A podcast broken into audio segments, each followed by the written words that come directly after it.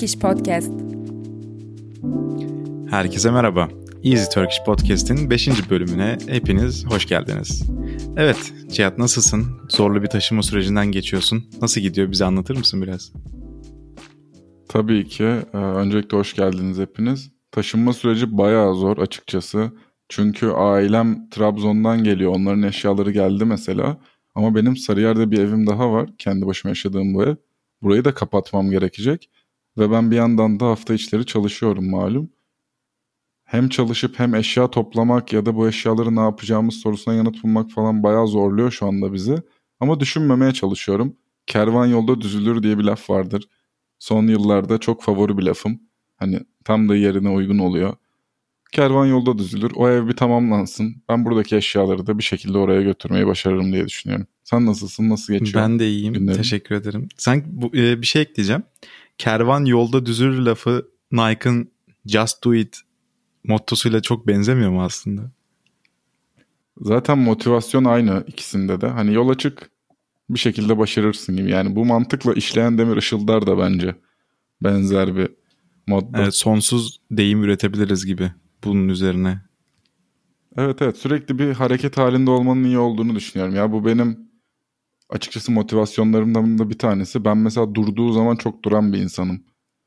Eğer bir şeyler yapıyorsam mesela sabah kalkıp işe gittim, çıktım, arkadaşlarımla buluşurum, yemek yerim, eve gelirim burada başkalarıyla kahve içerim. Sonra eve gelince tekrar birileriyle oyun oynarım, bir şeyler izlerim, yatar uyurum. Ama o gün hiçbir şey yapmayarak başladıysam, çok fazla yattıysam mesela günün geri kalanında da yatıyorum genelde. Enerji bulamıyorum. Hani yapım da öyle biraz benim. Evet, o zaman bugünün konusuna geçelim. Ne konuşacağız evet. bu bölümde? Bugün Türk yemeklerinden bahsedelim istedik birazcık. Biraz Türk yemeği övelim. En sevdiğim konulardan biri olabilir. Evet bir de hani kültürel bir e, konumuz da olsun istedik açıkçası. Size de Türk kültürünü ve burada yaşadığımız tecrübeleri daha iyi aktarabilmek adına. Mesela direkt bir soruyla başlamak isterim ben. En sevdiğin Türk yemeği hangisi Emin? bu çok zor bir soru ya. Benim bu soruya net bir cevabım yok. Bununla ilgili bu arada bir Easy Turkish bölümünde çekmiştik. En sevdiğiniz Türk yemeği nedir diye. Onu da açıklamalar kısmında bulabilirsiniz. Ben insanlara bu soruyu sorarken insanlar mesela çok net bir şekilde cevap veriyordu ama ben aklıma gelmiyor yani. Ney benim en sevdiğim? Şunu düşünüyorum. E, patlıcanın kızarmış haliyle yapılan herhangi bir yemek benim en favori yemeğim olabilir. Patlıcan kızartma. Bence güzel bir tercih ama kızartmanın sağlıksız olduğu evet. gerçeğine hani biraz bunu kabullenmek de gerekiyor ama bence de yoğurtlu falan böyle hayal hmm. ettim şimdi. Biraz daha evet şakşuka gibi. Hoş olabilir. Ya ben şahsen bu soru ne zaman bana sorulsa mantı diyorum. Ama son zamanlarda özellikle de etrafındaki vegan insan sayısının artmasıyla nedense veganlar da ismi İngilizce olan yemekler yemeyi tercih ediyor genelde. Böyle bir tespitim var. Dumpling bu zaten böyle bir kavram varmış galiba. Börek, mantı gibi. Evet. Evet. Mantı benim için çok Türk yemeğidir ama. Hani başka bir yerde yapılmaz gibi kodlamışım çocukluktan ama beri. Ama şöyle bir soru var şimdi. Mantının biliyorsun artık e, Kayseri mantısı değil işte Sinop mantısı ya da Özbek mantısı bu tarz türleri de popüler artık. Sen hangisini çok seviyorsun? Şöyle ki ben çıtır mantıyı çok severdim. Ama Kayseri mantısına tekrardan o orijinal olan ilk zaten tattığım mantıdır yani. En çok sevdiğim derken de gözümde canlanan mantı odur. Kayseri mantısı ve çıtır mantıyı şu anda eşit derecede seviyorum gibi. Hatta yeni başıma geldi anlatayım. Yeniköy'de eğer bir gün yolunuz Yeniköy'e düşerse gitmenizi öneririm. Emek Mantı diye böyle çok eskiden kalma bir restoran var. Hmm, gitmiştik oraya seninle. Evet orası böyle şey zaten hani mantı üzerine uzmanlaşmış bir yer. Pek çok farklı yemek de var tabii ki de mantıdır yani orada yenecek şey. Gittim oraya karışık mantı yedim mesela. Yarısı böyle çıtır yarısı Kayseri mantı geldi. Tam böyle benim kafamdaki ideal tabaktı. Bayağı da lezzetliydi ama zannettiğim kadar çok yiyemiyorum artık mantıyı. Artık doyma noktasına eriştin mi? Olabilir ya tadı bence çok lezzetli ama şu sıralar yoğurtlu böyle bu kadar acılı ve baharatlı şeyler fazla yiyemiyorum. Ama mantı her zaman benim için en sevdiğim yemek olmaya devam edecek. Bu arada benim de eşim Sinoplu. Ee, ben de Sinop mantısıyla onunla evlendikten sonra tanıştım. Yani adını duyuyordum ama hiç yememiştim. Sinop mantısının mesela normal mantıda ne geliyor aklına? Evet e, mantı şekli. Üstüne yoğurt, işte üstüne yağ ama e, Sinop'ta farklı şekilde yiyorlar. İşte öncelikle üçgen şeklinde oluyor mantısı. Ondan sonra üstüne ceviz atıyorlar. Yoğurt atmıyorlar mesela. Yani ya da çok nadiren yoğurt atıyorlar. Ceviz ondan sonra yağ atıyorlar. Hani sadece ceviz ve yağla tüketiyorlar. Ama yoğurtla tüketme durumu da var. O, o yüzden mesela böyle farklı yörelerde farklı şekilde e, tüketilme şekli var mantının.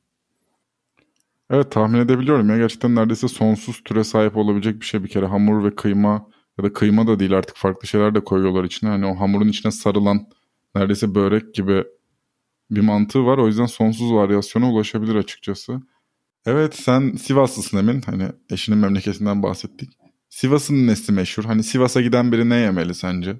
Sivas'ın madımağı meşhur. E, madımak ne diye soracak olursanız ıspanağa benzeyen bir sebze yemeği. Ben şahsen çok sevmiyorum ama e, en popüler yemeklerinden birisi o. Onun dışında Sivas köftesi meşhur. Hmm, başka aklıma bir şey gelmedi. Ben de Orduluyum. Bizim o tarafta genellikle meşhur yemekler denince akla gelen şey sebze ağırlıklı olur ama oraya gelen insanların çok gördüğü restoranlar hep pideci olur. Ordu'da, Giresun'da ve Samsun'un bir kısmında da öyle. Çok fazla böyle pideciye rastlayabilirsiniz. Mesela Fatsa ilçesinde Ordu'nun farklı bir şekilde yapılıyor pide. Samsun'da farklı, Giresun'un bazı yerlerinde farklı. Ama benim mesela kendim memleketime gittiğimde yediğim neler var? Pancar dediğimiz bizim kara lahana çorbası var mesela. Bizim köyümüzde çok yapılır. Karadeniz deyince aklı direkt kara lahana geliyor. Evet atom diyorlar ya askerde bir de o çorbaya. Aynen. Ben çocukken çok sevmezdim. Gerçekten büyüdükçe daha çok sevmeye başladım. Böyle besleyici olduğunu düşünüyorum. Bir de onu böyle şey orada e, bahçeden toplanan biberlerden çekilmiş böyle pul biberler konur üstüne. Çok acı olur o biberler. O, o şekilde çok hoşuma. Gerçi artık bir reflü sahibi olarak acı ve şeye çok katlanamıyorum ama baharata severdim yani vakti zamanında yemeği. En haz etmediğim yemek de bizim orada. Lütfen çok sevenler gücenmesin yani.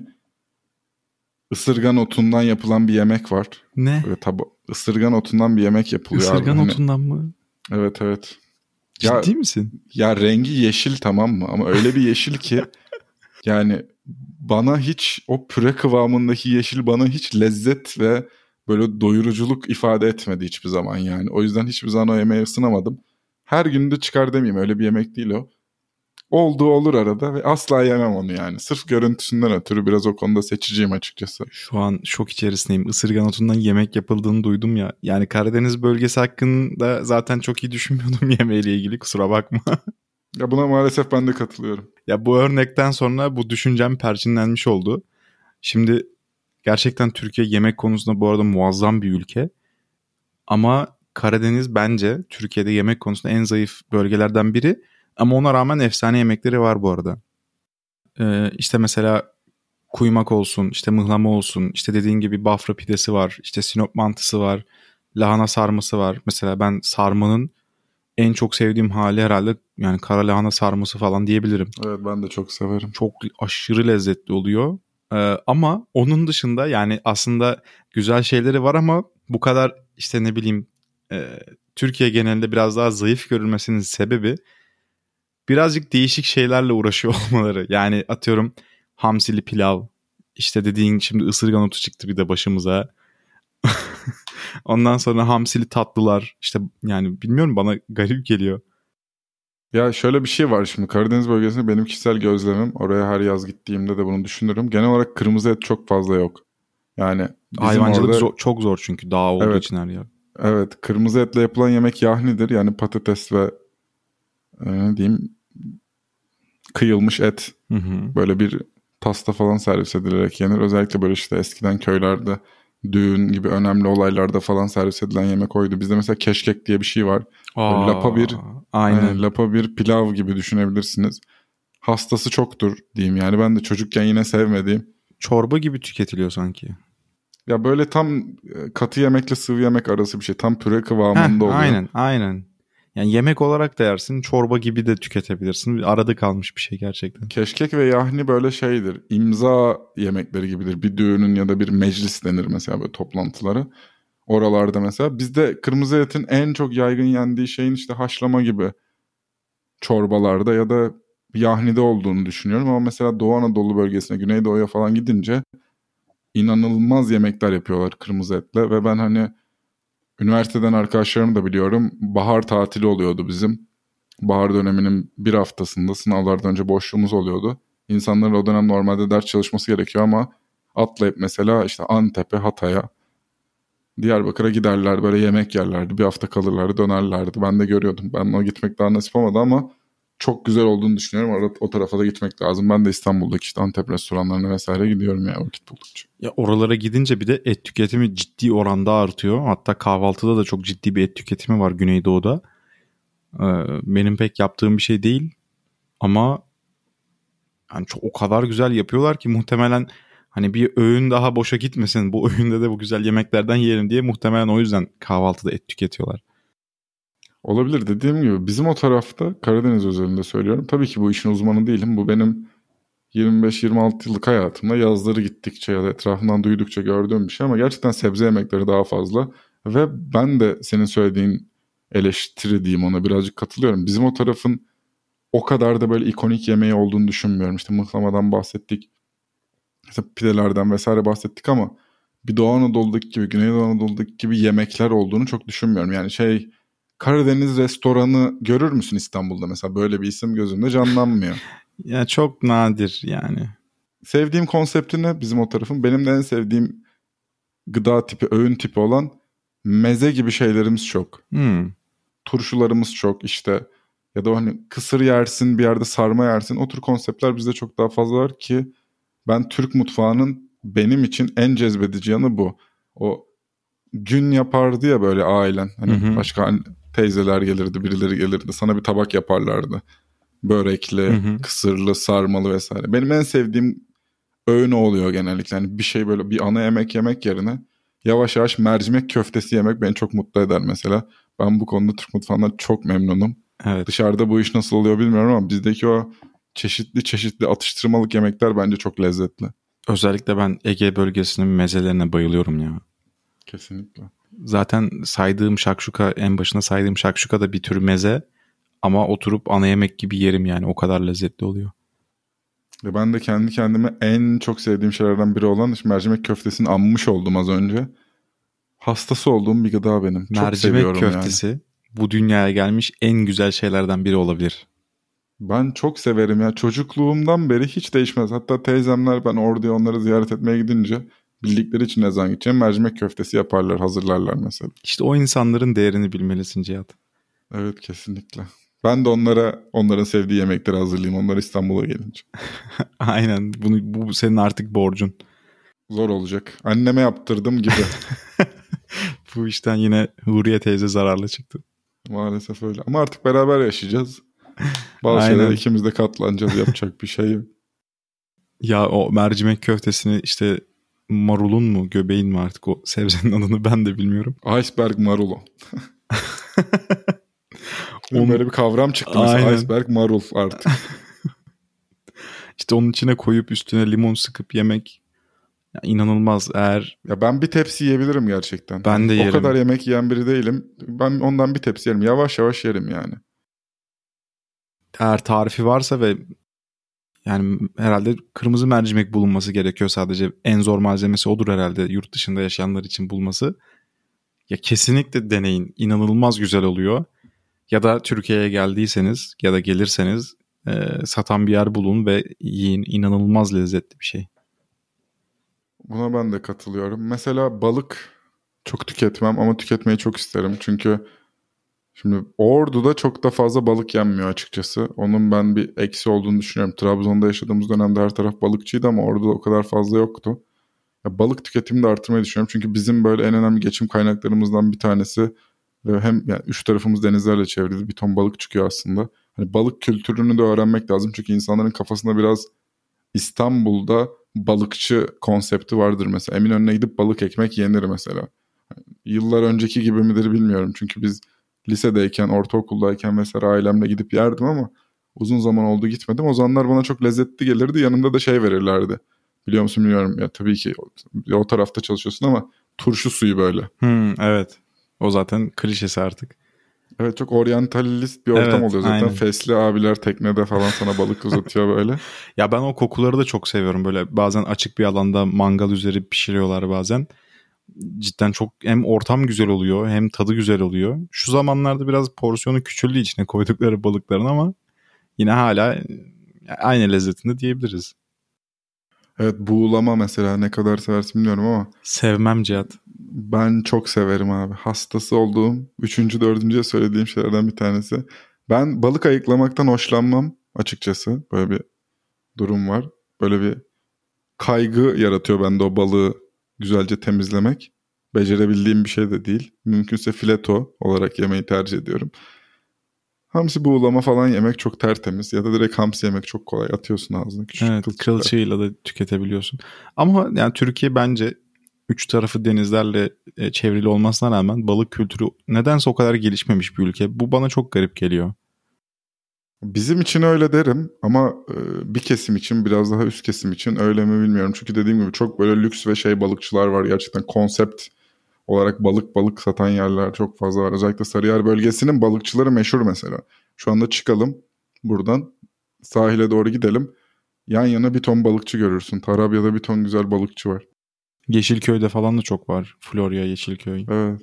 Hı hı. Ama dediğim gibi yani ülkenin geneline yayılmış bir durum değil. O ilginç geliyor bana. Evet. Buna ben de katılıyorum. Biz hamsi vesaire yeriz mesela evde ailecek.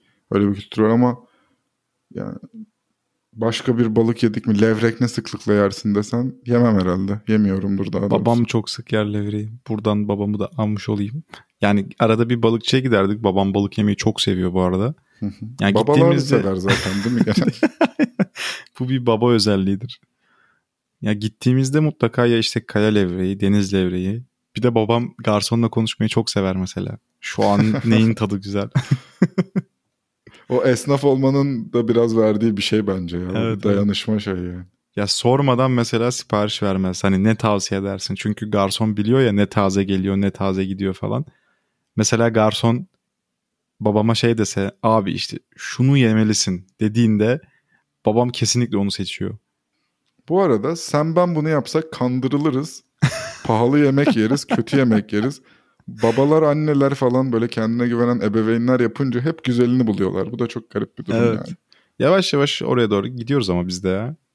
Ama konuyu çok saptırmak oluyor ama artık sen mesela garsonla veya sana hizmet e, o kafede çalışıp seninle ilgilenen kişiyle o kadar diyaloğa giriyor musun? Bana öyle değil gibi geliyor artık. Sen işini yapıyorsun. Ben müşteriyim. Profesyonel bir ilişki var sanki aramızda artık. Bana öyle gelmeye başladı. Ya çok fazla evet yani genelde bilmiyorum bu ya farklı bir konu ya bu biraz. Yani şöyle kimden para koparabilecekse biraz onunla ilgileniyor işte aslında işin özü bu.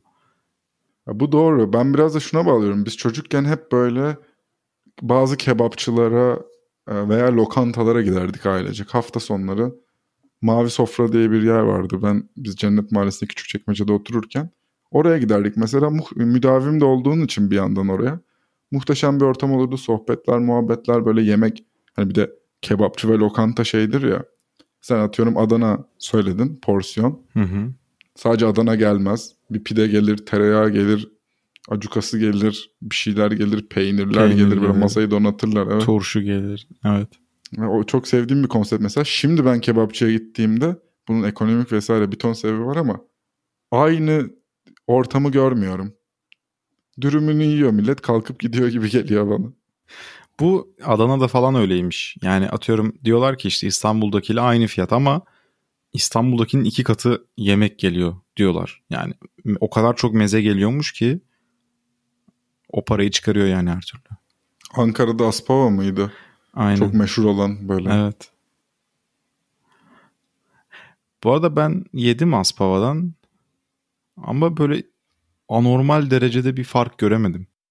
Öyle mi? Bir övülen bir şeydir ya. Böyle bir konsept var evet sanki. evet. Zaten Aspava'ya gi- giden gitmedim açıkçası ama. herkesin işte Aspava ne demekmiş biliyor musun falan diye gitmeyen insanlara attığı bir hava var. Sana atayım mı onu?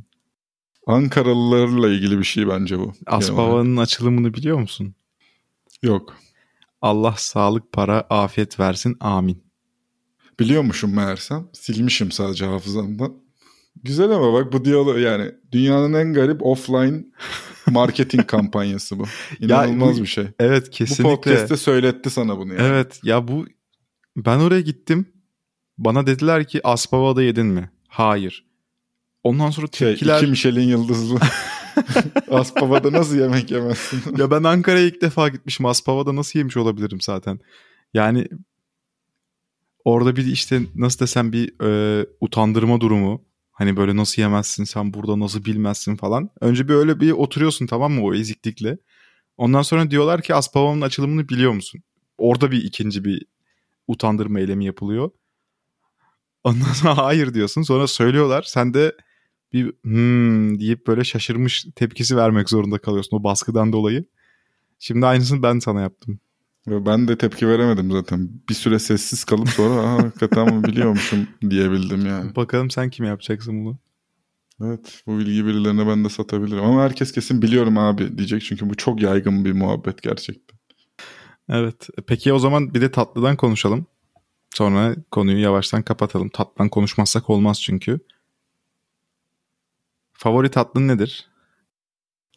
Favori tatlım ben şerbetli tatlıları severim. Ve dümdüz birisiyimdir. Baklava direkt favori tatlım. Son zamanlarda havuç dilimi baklava bir konsept oldu yaygınlaştı. Arasında Araya böyle dondurma. dondurum evet mesela.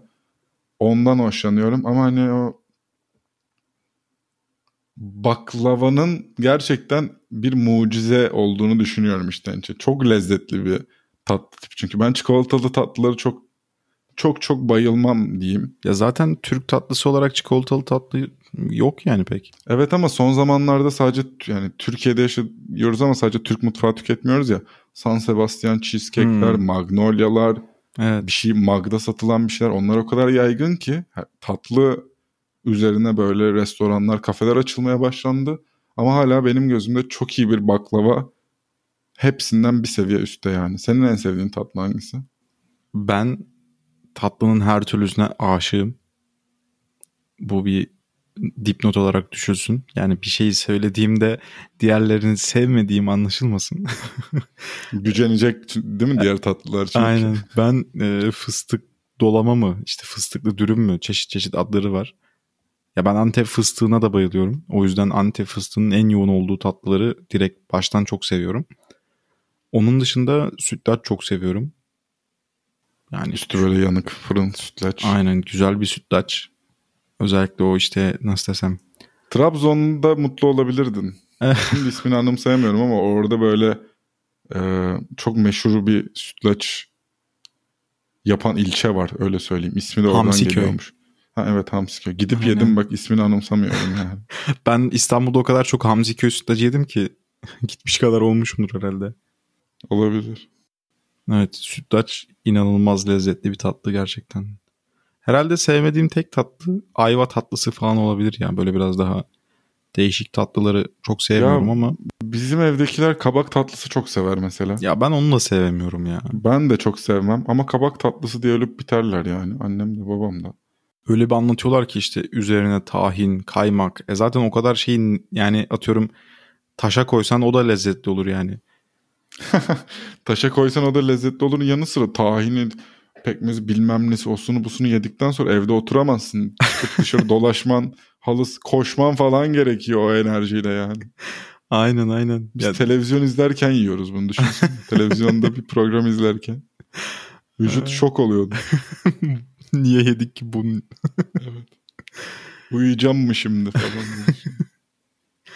Evet o zaman yavaştan bir sonraki bölümümüze geçebiliriz.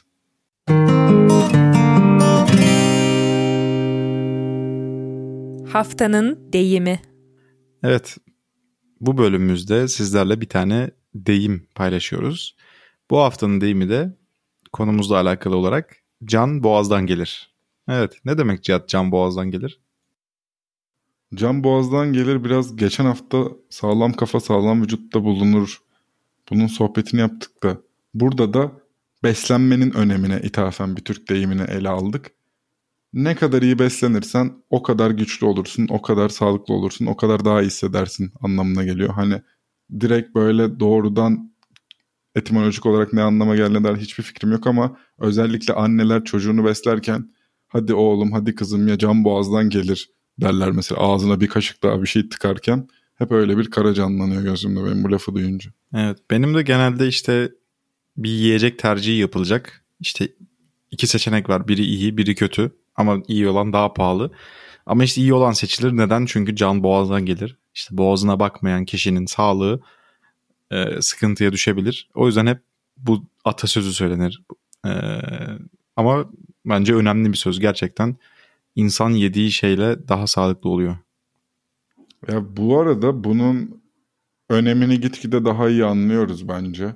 Ben çok çok iyi beslenen birisi değilim açıkçası. Bu ama en çok düzeltmeye çalıştığım e, konulardan bir tanesi. Çünkü daha iyi beslendikçe daha iyi hissettiğimi de fark ettim. Daha iyi beslenmekten kastım da şu. Hazır gıdaları daha az tükettikçe, günde 3 öğün yemek yedikçe, mesela iyi bir kahvaltı yapınca gerçekten mental olarak da kendimi daha iyi hissetmeye başladım açıkçası. O yüzden önemli bir yer taşıyor benim hayatımda artık beslenme ve gıda. Daha önce ne bulursam onu yiyorum gibiydi. Özellikle çok da seçici olmuyordum. Bir de öğrencilik döneminde zaten seçeneklerin daha kısıtlı oluyor. Hazır yemeğe gidiyordu kafam hep. Ama artık mesela biraz daha mesafeliyim ona. Sebze hiç sevmezdim. Salata falan asla yemezdim. Şu sıralar mesela çok oldukça yükseğim. Oldukça yemekten hoşlanıyorum. Belki bir illüzyondur ama kendimi daha iyi hissettiriyor bana açıkçası. Ya işin plasebo etkisi kısmı da var ama gerçekten dengeli bir şekilde protein, karbonhidrat ve yağ aldığında e, enerji olarak da mental olarak da çok farklı bir seviyede oluyorsun. Yani gerçekten can boğazdan geliyor. Ve gerçekten seçeneklerin sonsuz. Özellikle şu an bulunduğumuz dünyada bir tane ekmek tipi yok mesela artık. Sadece beyaz ekmek veya kepekli ekmek yemek zorunda değilsin. Biraz daha bütçeni arttırdığın zaman ekşi mayalı ekmekler başlıyor. Çok daha garip pastanelerin yaptığı çok daha ilginç ekmekler var. Evet Instagram'ım benim bunlarla dolu mesela görüyorum sürekli yani. Ve tatlarını da merak ediyorum. Bir de insanlar bu konuda argeler yapıp kendilerini de çok geliştiriyorlar bence. Evet Gerçekten evet. şu an gıdanın geldiği yerden ben İstanbul ve Türkiye'yi bildiğim için buradan konuşuyorum ama ben oldukça memnunum yani. Hamburger için eskiden bazı yerlere muhtaçken diyeyim franchise olanlara, tüm dünyada olanlara şimdi adım başı ev yapımı hamburgerci var. Bu beni çok mutlu ediyor. Madem yiyeceğim onu yiyeyim diye düşünüyorum. Daha iyi ve daha lezzetli olduğunu gözlerimle görebiliyorum, anlayabiliyorum sonuçta yani. Evet şarkı tavsiyesine geçelim o zaman.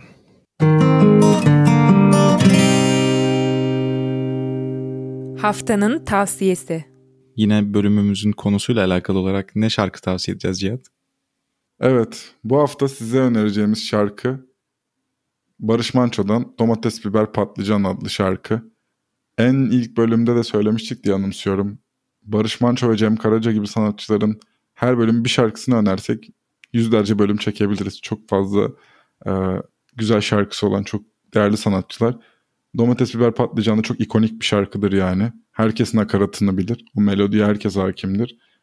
Siz de bu funky denebilecek Türk müziğine ait parça dinlemek istiyorsanız açıklamadan şarkıya ulaşabilirsiniz. Ne düşünüyorsun Emin domates biber patlıcan hakkında?